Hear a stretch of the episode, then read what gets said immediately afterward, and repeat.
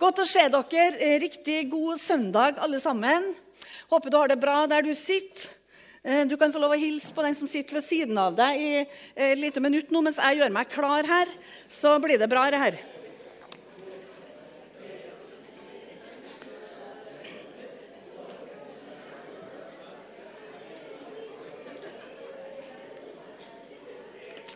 Så herlig å høre lyden av folk som skjemter og ler. Dette er en eh, mangfoldig kirke, og det er jeg så glad for. Eh, Det, I går så feira vi, eh, noen av oss, feira 90-årsdagen til Norunn eh, Ludvigsen. Hun fylte 90 år i går. Og Det var stor fest. Hele familien var samla. Og noen venner av oss fikk, venner av Norun fikk lov til å være med der i festen. Og det var en, eh, en fest som forteller om Guds trofasthet gjennom et langt liv. Og det var inspirerende. Eh, som Heidi allerede sa her, så er Frank og Kristian på vei til Israel nå. Men Kristian var med på festen i går kveld, og han sang noen sanger av Åge Samuelsen. Og det var jo herlig, vet du. Og så eh, fortalte han en liten historie eh, som jeg, som jeg tenkte litt på. Som gjør at jeg tror vi må høyne standarden på visse områder i livet. For eh, far til Kristian, eh, Sverre Tangvik, når han var eh, ni år så eh, var han i byen her i en butikk som Norunn jobba i. Hun satt i kassa der og jobba som kassadame. Og eh, Så kom Sverre fram til kassa, og så begynte de å prate. Og vet du hva de prata om? Du må huske at Han var ni år, og hun var sånn halvvoksen. De snakka om Jesu gjenkomst. Det tenker jeg, eh, altså så Smalltalken ved kassaapparatene trenger å heves litt. Standarden trenger å heves litt. Eh, og det, det endte med det at Sverre han sto med store, kulrunde øyne og sa Men når kommer han, da? Og da sa Norun svart det kan være når som helst. Og det har hun jo helt rett i. Og det eh, Kristian fortalte, at det satte seg inn i hjertet til Sverre på en god og positiv måte. Eh, og det har gått videre da, til Kristian. Så et lite ord, folkens. Et lite ord. Det trenger ikke akkurat å være om Jesu gjenkomst, da, kanskje. Hvis ikke du føler at du er helt på bølgelengde der, men kanskje. Et lite ord kan skape forandring i et barnehjerte, i et nabohjerte, i en du møter på bussen, eller en du treffer ellers. Et ord om Jesus det kan eh, løse veldig mye. Så kan det gå i generasjon. Vet Det skal aldri vende tomt tilbake. vet du. Vi er en mangfoldig menighet, og det er herlig. Og vi har en herlig bror i eh, kirka vår som heter Raimond Larsen. Raimond, kan du komme opp litt til meg her? Eh, Raimond han er eh, misjonær. Han eh, har Pakistan på sitt hjerte, og han har nettopp kommet hjem fra en eh, forholdsvis eh, noen ukers tur til eh, tre uker til Pakistan. Tre og en halv. Jeg vet at på hjertet ditt Raimond, så ligger de kristne i Pakistan veldig. Fortell oss litt om hva du var med på, i, og hvor du var hen, og hva du var med på. Ja, jeg har opplevd en veldig veldig herlig tur. Så mye guddommelig favør, så mye velsignelse, så mye godt. Og det er helt riktig, mitt hjerte er for de kristne i Pakistan og, og Guds menighet i, i The Islamic Republic of Pakistan. Ehm, og eh, før jeg dro, så var det siste møtet jeg var på, det var sånn fest 100 år, og her satt biskopene på første rad. Og Det er jo ikke hver dag biskop kommer her. Men når jeg var i Pakistan for å fortelle litt om den favøren, favøren Gud har gitt meg, så kan jeg bare ta opp telefonen så ringer jeg til biskopen av Lahore og sier at hei, jeg er i Pakistan. Eh, kan jeg treffe deg i kveld? Ja, ja, kom med en gang. Kom om en halvtime. Og så plutselig så sitter jeg på biskopens kontor og så sier jeg til ja, åssen preker du til søndag? Uh, ja, jeg har ikke noe møte til søndag, men jeg kunne veldig gjerne tenkt meg å tale i katedralen her igjen. Ja, selvfølgelig skal du tale her. Og så Det og- liker du. Det er bra, vet du. Det det, det, det, det, er- det, det til Guds ære, altså. Ja, av støvet, alle disse bibelversene om at uh, vi er små, og han er store. Ja. Vi er den siste som han gjør til den første. Vi er den minste som han gjør til den største. Amen. Og i Pakistan der er jeg Herrens salve. Der er jeg Guds utrakte hånd og opplever så guddommelig salvelse og, og, kraft og herlighet. Og det er ikke bare for at jeg skal digge meg sjøl og tenke at å, Raymond Larsen han er kul. og jeg skulle vært kjendis. Nei, nei. Det, det, er for en hensikt. Herren har salvet meg for å forkynne et godt budskap for de fattige. Ja, yes. For de forfulgte. For de som lider. Mm. Og det opplevde jeg. Jeg opplevde sånn Herrens nærvær over meg. At en fattig muslimsk jente som var var eh, tjener hjemme hos oss. Hun, hun, hun, ville at jeg skulle be for henne. Så omfavna jeg henne. hadde Hele eh, dressjakka mi var eh, tårevåt etterpå. Og, og, denne jentas liv ble, ble forvandla. Og hun eh, ville ikke be muslimske bønner lenger, men hun ville be sammen med familien og høre på lovsang og, og be Jesus. Halleluja. Så det var så herlig. Og, amen. Halleluja. Og Det er masse sånne enkelt, enkeltmøter med mennesker. både sånn, sånn, som du leser om evangeliet. Jesus møter kvinnen ved brønnen. ikke sant? Mm, mm. Og han også møtte de store folkemasser. og Det samme opplevde jeg i Pakistan òg. Mange sånne små vitnesbyrd med enkeltmennesker. Folk vil plutselig ha bilder midt på gata, og folk vil at jeg skal be for dem. Og Gud berører dem, og mm. det er superherlig. Fantastisk. Og så eh, var jeg i en helt ny by som heter Peshawar, som er på grensa til Afghanistan. Mm. Uh, det er en by som jeg aldri faktisk jeg har vært litt redd jeg òg. Jeg har aldri turt å dra dit, for folk har advart meg mot at det der er mange fanatikere og, og, terrorister og sånne ting. Men denne gangen her så har jeg kjent sånn trang til å dra dit. Uh, fordi at jeg alltid ønska å dra dit. fordi at jeg, På bursdagen min for fire-fem år siden så var det et terrorangrep i den byen. Mm. Og meg og pastor Frank vi var i London, og vi holdt eh, gudstjeneste blant pakistanske kristne i London. Og da hadde vi minnegudstjeneste for den kirka som hadde bombeangrep. Og Siden den gang så har jeg følt sånn trang til å dra dit, sånn som det står i profeten Jesaja. Trøst mitt folk, trøst mm. mitt folk. Og På det møtet så rørt av Den hellige ånd, og Den hellige ånd er over meg, og jeg gråter skikkelig. Og jeg kommer med et helligåndsbudskap da, eh, til den kirka da, som hadde opplevd terrorangrep for fem år siden. Hvor mange var det som Eh, ble tatt livet av der? Husker du det? Det var ganske mange. Eh, ja, det er minnetavle utenfor. Det var 130 stykker. Så, ja. Så der fikk du peke Og til og med, til og med familiemedlemmer. Ja. Familiemedlemmer som, som, som du fikk hilse på? Ja, men som også var blant matyrene. Okay. Okay. Ja. ja. Så familiemennene som mottok meg noe der i dag, da, mm. de ga meg veldig stor ære. Og, og vanligvis er vi vestlige folk vi er liksom oppgitt av liksom folk fra India og Pakistan. Vi syns det er litt sånn tiggeraktig og sånne ting. Og vi må betale alt og sånne ting. Og det er jo noen ganger det har, har vært sånn. Men da jeg kom til Peshawar, så spanderte de alt. De spanderte kjempefint hotellrom, og de ga meg ny biskopring. Nei, få se. Og... Wow. Ja, for den andre ga han til Stefan Salmonsson. Ja. Nå har du fått ny. Nå har jeg fått ny. Herlig. Raymond, ja. vi, eh, vi, har jo bedt eh, for deg når du har vært, eh, vært borte. For at det er jo forbundet også med, med utfordringer og, ja. og, ting å reise sånn som du gjør. Men vi som menighet er veldig takknemlige for, at, for den jobben du gjør sammen med Kiren, for Pakistan og for å holde misjonsgløden oppe blant oss. Ja, så takk for at du delte nå, og Gud ja. velsigne deg videre. Og så det, har Herren store ting foran. Takk, gode Gud. Gi Raymond en stor applaus. Gud velsigne deg. Takk. Takk, Raymond.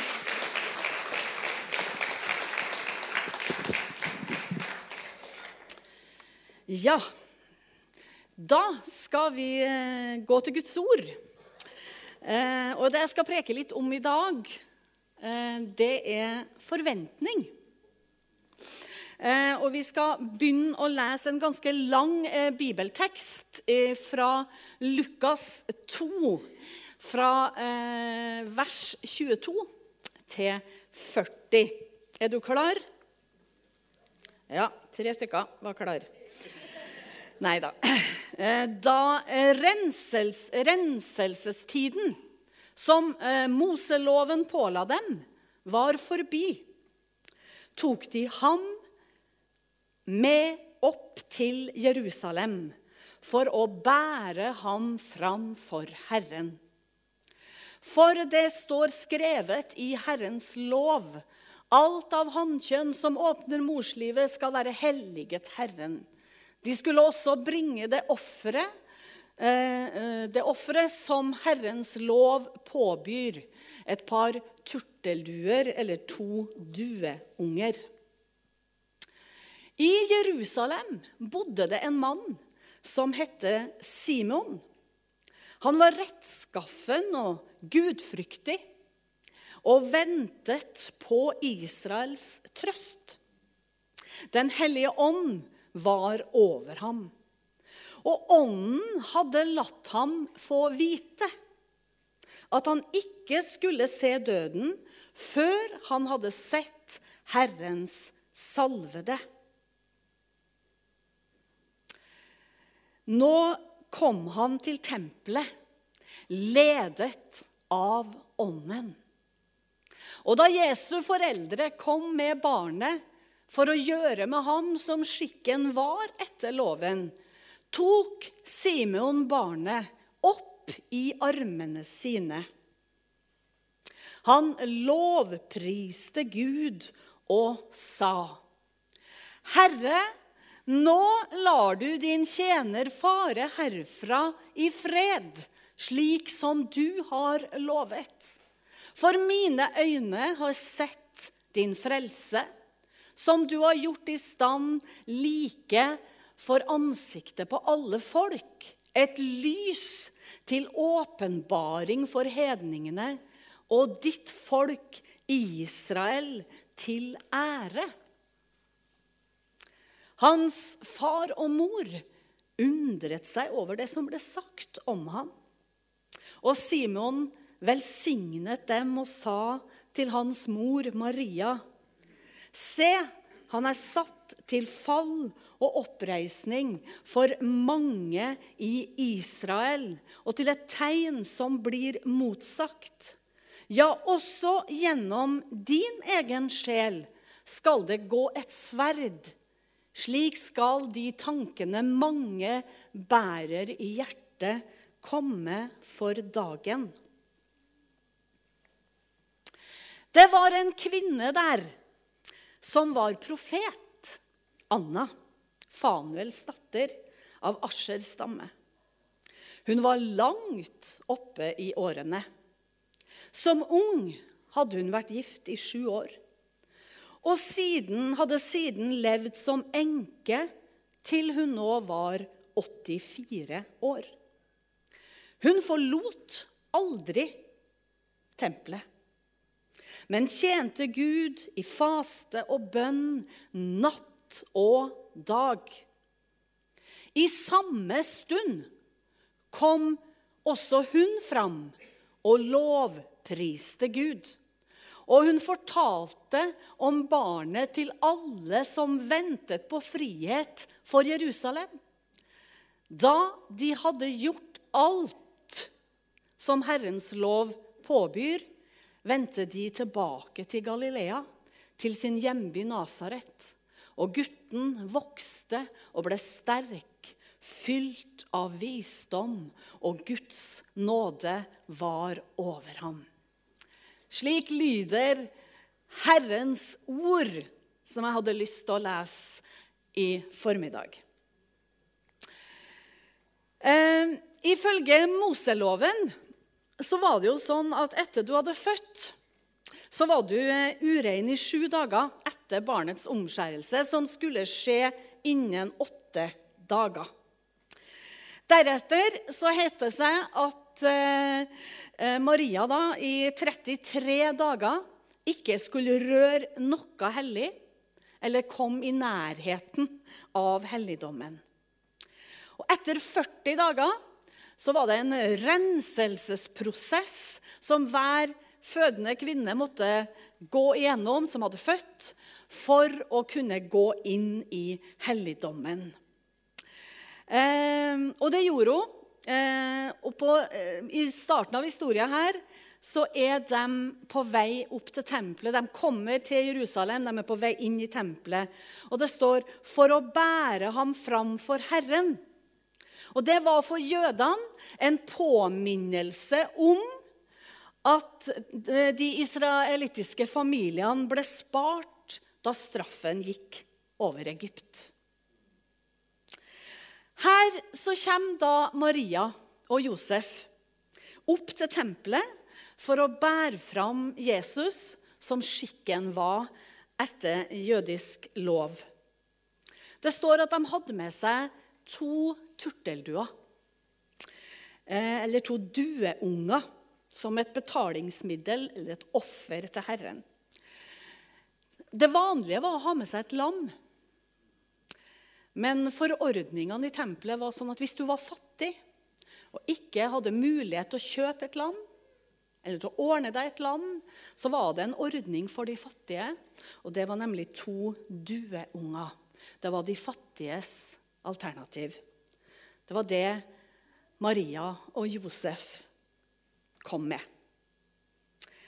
Eh, på denne tida var det en mørk tid for israelsfolket.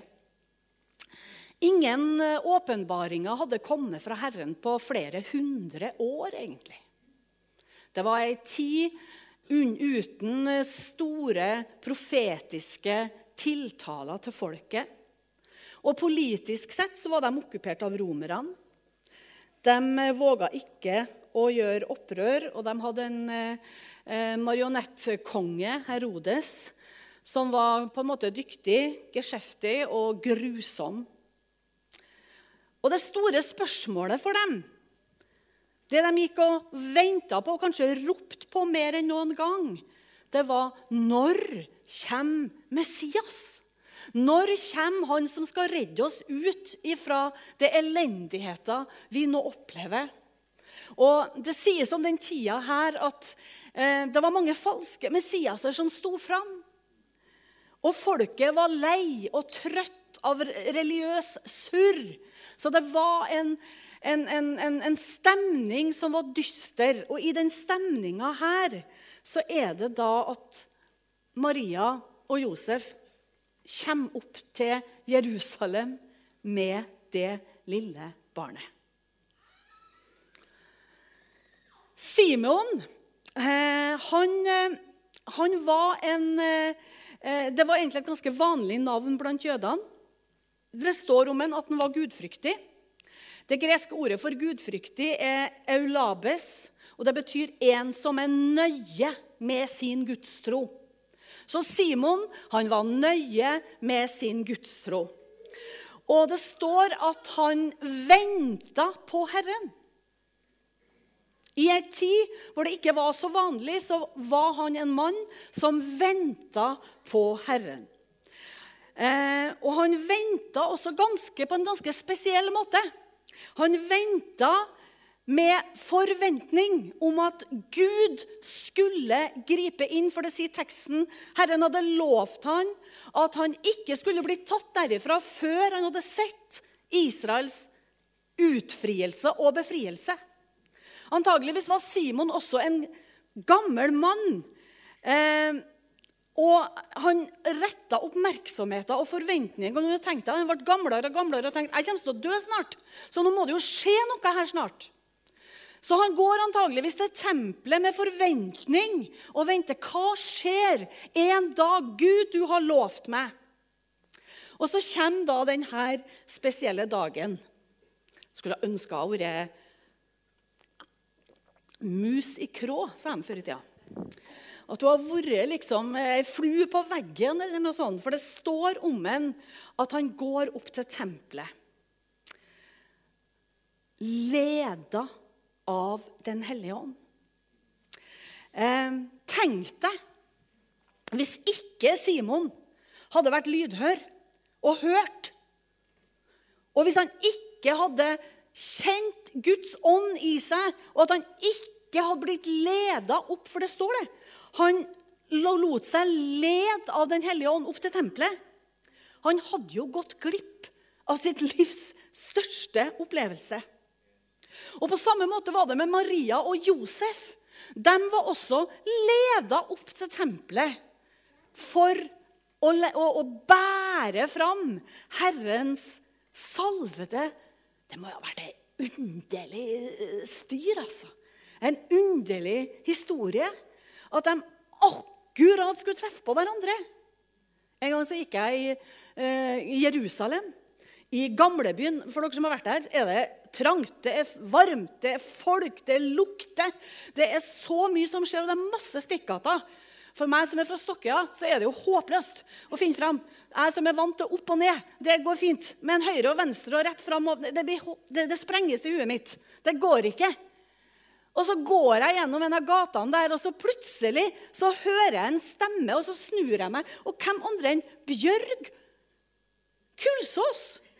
May-Len Holm kommer han ut av en butikk. For jeg hørte bare 'Amazing! It's very cheap!' Så liksom kan du tenke deg at ja, altså, i, den, i den høystakken av en by For ei som uh, har retningssans lik minus 20, så, så, så er det altså, Tenk at vi treftes på hverandre akkurat der. Herlig, vet du. Og det ble et uh, salig lite møte der. Uh, i, midt i folkemengden. Men tenk deg! Simon ble leda opp, og på samme måte ble Maria og Josef leda opp, og så møter de hverandre fordi at de er lydhør og hører på Herrens stemme. De ville ha gått glipp av noe helt fantastisk hvis de ikke hadde vært lydhør. Simon han, eh, det står om han at han hadde grunn til å vente noe positivt. da. For det var jo åpenbart for han, Den hellige ånd hadde sagt til han at du skal ikke se døden før du har sett Herrens Messias. Og når, han, når møtet beskrives der i, i, Lukas 2, så trenger ikke Simon engang å gå rundt og spørre, liksom, for det var kanskje flere med unger der. For det her var jo tradisjon og skikk og bruk. Det er ikke sikkert Maria og Josef var de eneste. Det vet vi ingenting om. Men Simon går rett bort til dem. Han trenger ikke å spørre engang. Han visste at han visste at han visste. Det her er Israels salvede, det er Messias. Simons profeti, for han begynner å profetere. vet du. Det kommer bare fra magen, bare en vom, en profeti, hvor han understreker i det han sier, at Jesus er Messias, og at ingen kan være nøytral til han. Og han velsigner Maria og Josef. En vakker historie. På samme måte er det med Anna. da. Fanuels datter av Asher stamme. Det var en stamme oppe i Galilea. Men i motsetning til Simon så trengte ikke Anna å ledes av ånden opp til tempelet. For Anna hun bodde i tempelet. Hun, hun var der hele tida. Det står om henne, det. Og jeg har lest litt om henne. Det står jo ikke så mye, men noen bibelkommentarer sier at det fantes profetinner som hadde små leiligheter rundt på tempelområdet. Eh, og de, de, fikk jo liksom ikke like stor oppmerksomhet som kanskje fariserene og de høye herrer der de trådte over tempelplassen. Men Anna, Fanuels datter, hadde et, et ry på at hun hadde en teft for Herrens tale. Og Hun trengte ikke å på en måte bli leda opp, for hun bodde i tempelet. Og ånden, Det var nesten sånn at ånden aldri dreiv henne til å forlate. For hun var der absolutt hele tida. Det står at hun hadde mista enkemannen sin og vært gift i sju år når hun var ung. Nå var hun 84 år, står det her. Og hun forlot aldri tempelet. Hun venta på Messias, hun også, dag og natt. Hun tjente Gud, og hun bekrefta Simeons profeti. Anna var en profetisk oppmuntrer. Eh, det som står mot slutten av vers 38, er at hun talte til alle dem som ventet på forløsning for Jerusalem. Hun talte ut profetiske ord. Hva var det hun talte om? Hun talte om han som skulle komme. Om frelseren, forløseren, Israels trøst. Jeg elsker at det er de to eldre menneskene der. For det forteller oss at i Guds rike er det et lite barn. Det er to ungdommer, Maria og Josef. Og så har du to eldre som bare står på der og velsigner og ser at her kommer neste generasjon. Her kommer det noen som skal gjøre noe som vi ikke helt forstår, men Herren har leda meg opp her. Og han har leda meg inn til den dagen her, som jeg nå står her og får se Israels frelse. Anna talte til andre som venta, og hun ga dem håp. Og jeg syns det er vakkert å tenke på at hun er enke. Hun har levd hele, kanskje hele livet sitt alene. Hun hadde ikke så mye. Hun har fått prøvd livet på godt og ondt. Men hun har ikke endt opp som et bittert menneske. Merker du det? Det er ikke noe bitter tale i Anna sine ord. Hun er 84 år, men hun hadde aldri slutta å håpe hun hadde aldri slutta å tro på at Herren salvede Israels frelser kommer. Amen. Livene til Simon og Anna vitner for meg at det å vente for dem ikke var noe passivt. De satte seg ikke bare til. Hmm. Skal vi se nå? Blir det noe greier på det her i dag, da, tru? Eller eh, hva er det som de holder på med nå, da? De venta aktivt. For meg så betyr det at de satt frampå stolene og på en måte heia og dreiv det fram som de visste skulle komme. Det lærer meg noen ting. Eh, hvorfor leser jeg denne teksten i dag? Hva har den å si oss? Og Det er sikkert veldig veldig mye som ikke jeg har oppdaga. Det er jo det som er med Guds ord. Men for meg så lærer det meg at det å leve i forventning til at Gud alltid er der, og i forskjellige faser av livet vil berike oss. Forventning. Ehm, det er lett for oss mennesker å stivne og falle til ro. Det trenger det ikke å være noe galt i i utgangspunktet. Men hvis det binder oss, sånn at vi ikke strekker oss ut etter det som ligger foran, så tenker jeg at vi står i fare for å gå glipp av veldig mye. For livet har forskjellige faser, både i innhold og opplevelser, for de fleste av oss. Ja, egentlig for alle. Det kunne vært skrevet ei bok om ditt liv, og den hadde vært enestående. Forkynnerens bok snakker jo egentlig veldig vakkert om det. Forkynneren sier alt har sin tid. Det er tid for alt som skjer under himmelen. Og så ramser han opp masse ting. Det er tid for å fødes, det er tid for å dø, det tid for å plante, for å rykke opp, osv., osv. En tid for å elske, en tid for å hate, står det. En tid for krig og en tid for fred. Og så står det helt til slutt da, i det kapitlet så står det Alt skapte han vakkert, hver ting til sin tid. Hva tenker du, og hva tenker jeg, når jeg hører de ordene her i forbindelse med den livsfasen du er i nå, og jeg er i nå? Kanskje vi tenker noen ganger at vi aldri strekker til. Og jeg tror vi som kristne ofte har gjort evangeliet urett i det at vi kanskje på en måte formidler en del, en det at, det, altså det, at det blir et strev, et kav. Men det har Gud aldri tenkt at det skal være. Det er en tid for alt. Hvis jeg klarer å hvile i det og nyte de øyeblikkene jeg får alene med meg sjøl eller med Gud, tror jeg at jeg får en helt annen tilfredsstillelse i livet enn hvis jeg ikke, ikke gjør det. Tenk å klare å leve 100% i øyeblikket, folkens. Akkurat her og nå.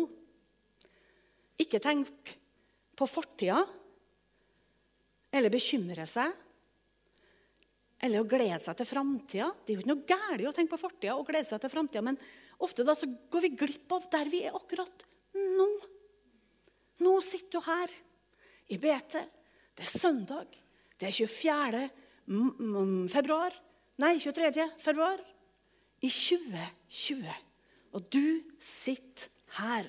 Kanskje du ble leda av ånden som Simon.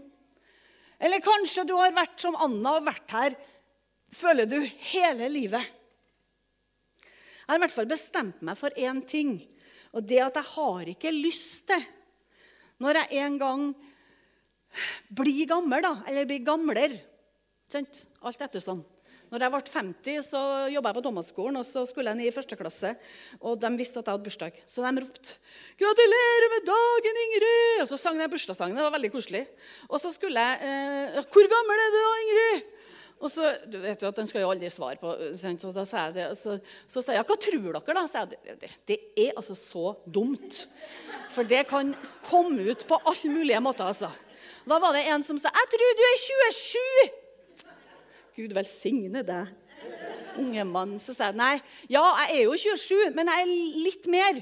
Og så skulle jeg begynne å skrive jeg skal skrive på tavla. Så begynte jeg å skrive fem, og så begynte jeg å skrive på null. Og da var det ei som ropte nei, nei, nei, ikke skriv så høye tall. Vi kan ikke så høye tall, vi. Da kommer du fort ned på jorda igjen. ja, fantastisk. Men jeg har ikke lyst til at når jeg blir, eh, kommer opp i en viss alder, at jeg sitter igjen med det inntrykket at jeg var for opptatt med forskjellige ting som stengte for kanskje det som var viktigst. Og at jeg derfor mista verdifull tid. For livet er her og nå. Akkurat i dag. At jeg var for opptatt med å grave i fortida og på den måten så mista jeg troen på framtida. Men det fins håp i de ordene her. Det er tid for alt. Også når man går gjennom ørkenstrekninger i livet, så kan vi ta med oss, ta med oss det at det er tid for alt. For ting vil snu. Ting skal snu. Ting skal forandres og utvikle seg. Ehm, har eh, Min svigerfar var en eh, flott mann på mange måter. Han har skrevet ei bok som heter 'Fornyelse'. Den har jeg lest litt i i det siste. Og syns det har vært spennende og interessant ut fra hans perspektiv å, se hva han forsto under det å leve i fornyelse. For Bibelen snakker jo mye om det. Og da snakker han om en person i Bibelen snakker om flere som gikk gjennom en fornyelse. Og Da snakka han bl.a. om eh, Asaf. Er det noen som har hørt om Asaf? Asaf var på en måte Johan, for å si det sånn. Han var uh, sangleder. Han, altså, det var litt artig, sånn som Tom skrev det her. da. For han, han skrev her at eh, sanglederen som fikk et nytt møte med Gud av Levis stamme, prestestammen, var en meget ansett, ansett mann på Davids tid. Han var meget musikalsk, og han ble satt til å lede tempelmusikken. Var ikke det artig? Satt til å lede tempelmusikken. Asaf han var en salmedikter på lik fot med David. Eh, det hvilte et profetisk kall og en salvelse over tjenesten til Asaf. Det står også i krønikerbøkene om han at han ble kalt for seeren, den som så inn. Og han var opptatt av Guds storhet og makt. Levd på høyden, liksom. Asaf.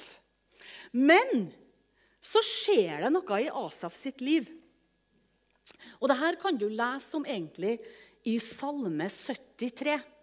For her forklarer en egentlig Og jeg har eh, på en måte omskrevet den litt.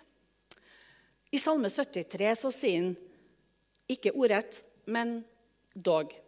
Jeg er Asaf. Dette henter meg. Men først må jeg bare få si sannelig, Gud er god mot Israel, mot dem som er rene av hjerte. Jeg er utrolig takknemlig for å tilhøre Herren. For meg er det godt å være nær Gud. Når jeg er hos Ham, har jeg ikke glede i noe på jorden. Men det har ikke alltid vært slik. Det var en tid da mitt forhold til Gud var helt annerledes. Jeg var nær ved å snuble. Foten holdt på å gli ut. Det er ingen god tilstand.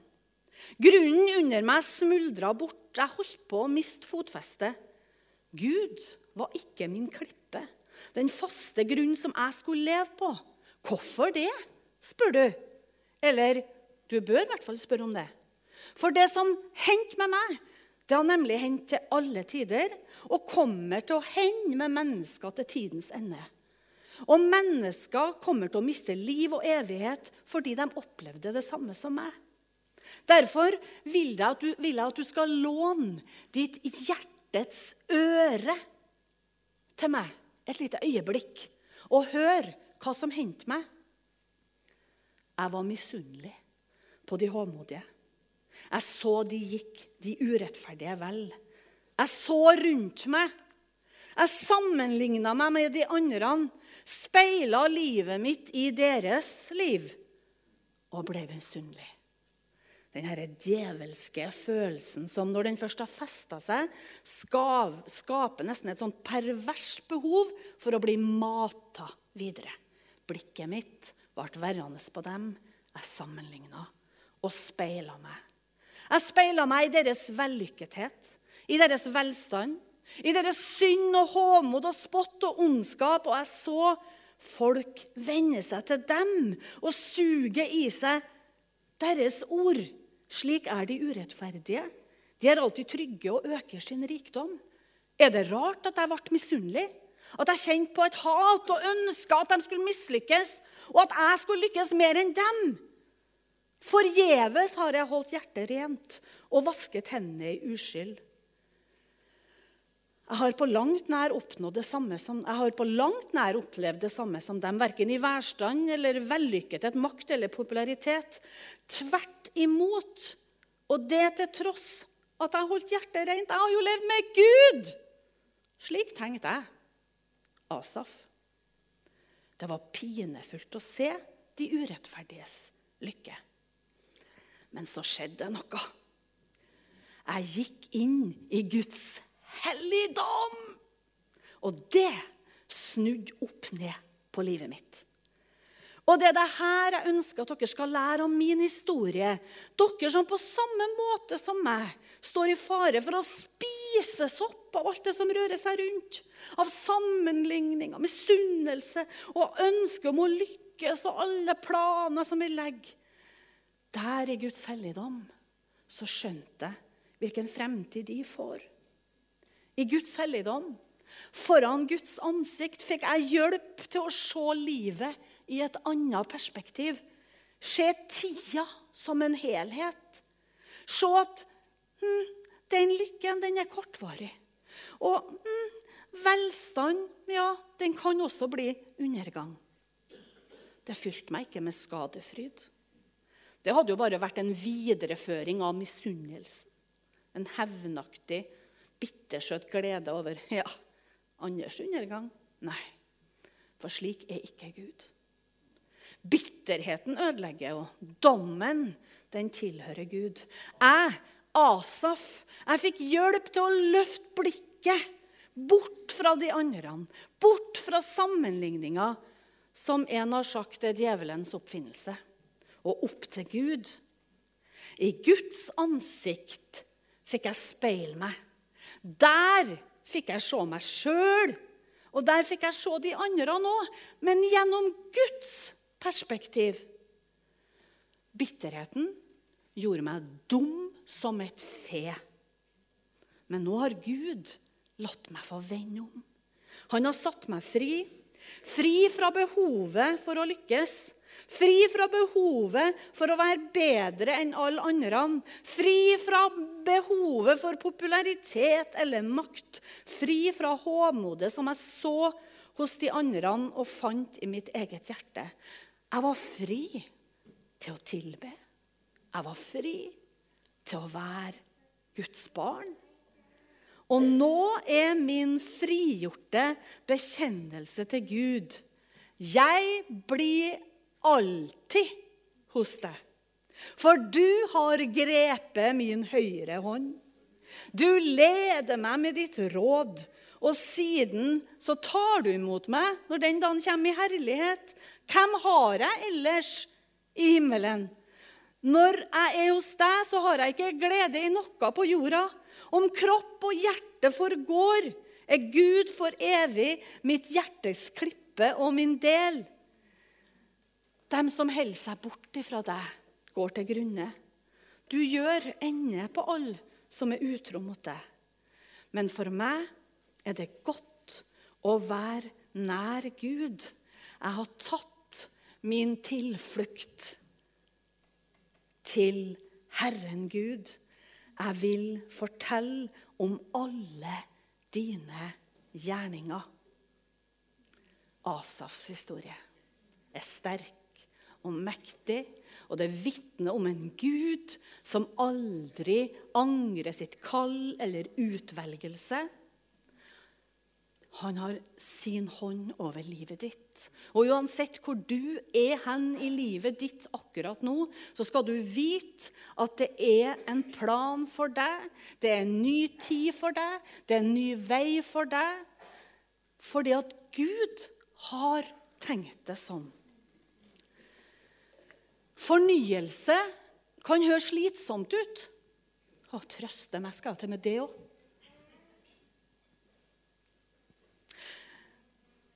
Men fornyelse trenger ikke å være anstrengende. Edin Løvaas, eh, en eh, fantastisk Herrens tjener, forteller en litt eh, festlig historie. Det var, Eller en talende historie, kanskje. Eh, en eldre mann eh, var lagt inn på sykehuset for å bli operert for sånne tette blodårer til hjertet. Det hender jo. Eh, da operasjonen var vel overstått og han kom hjem igjen fra sykehuset, merka han til sin store altså overraskelse da, at han var både sterkere både fysisk og psykisk. Men det som overraska han mest, det var at han også følte seg åndelig fornya. Han følte som om at Herren hadde satt ham inn i en heis. Og så kjørte han opp noen etasjer, og så sluppet han ut noen etasjer lenger opp. liksom. Sånn følte han det på et høyere åndelig plan, sier Edin Løvaas. Sjøl om han ikke har gjort noen ting for å bli fornya. Tvert imot. Tvert imot. Han følte at han har lest mindre i Bibelen enn vanlig. Han har bedt mindre. For Sykepleierne på sykehuset de har sagt til ham at han måtte holde seg i ro og ikke ta, seg, sånn, ta inn over seg sånn følelsesmessige påvirkninger. Og For han som var, var blitt operert, så var denne situasjonen en, en, illustrasjon på det skriftordet som står i 2. Korinterbrev 4, vers 16-18. Derfor mister vi ikke motet, sier Paulus. Og selv om vårt ytre menneske går til grunne, oh yes, blir vårt indre menneske fornyet hver dag. De trengsler vi må bære, er lette, og de skaper for oss en evig rikdom av herlighet som er uendelig mye større. Vi har ikke det synlige for øyet, men det usynlige. For det synlige tar slutt, men det usynlige er evig. Elin Løvaas sier nå må vi tro at denne mannens opplevelse er en sånn eh, allmenn regel. Men det kan være en oppmuntring, sier han, at fornyelse er en Guds gave. Og ikke noe som er i kraft av min og din anstrengelse. Skal vi forklare det på en generell måte, sin, så må det her kanskje være at mannen var kommet til et nullpunkt. da, Hvor han helt overga seg i Guds ender. Eh, altså Bokstavelig talt. Han ble lagt i koma, holdt jeg på å si, eller narkose. Og det ga Herren en mulighet til å fornye ham. Det var da tankevekkende. Fornyelse er ikke anstrengelse for å prestere noen ting, for at Gud skal synes mer om oss, eller at vi skal få til mer. Nei, det er en Guds gave som vi kan leve i. Det går an å oppleve Guds fornyelse i alle faser av livet. Der du er nå. Kanskje lever du, du kjenner at det pulserer å leve. Og kanskje er du i en fase nå. Lovsangerne kan komme fram her. Og Vi skal synge den sangen den som vi sang sist. Som jeg ønska meg, som Johan og dem eh, fikk til, musikerne. Om alt omkring meg skulle falle, og alt jeg stoler på forgår, så er din trofasthet den samme. Igjennom alt den består. Jeg står støtt på troens faste grunn. Jesus Kristus. Aldri vil den svikte. Den holder alltid stand. Jeg kan hvile trygt i troens favn. Aldri vil den svikte. Den holder alltid stand.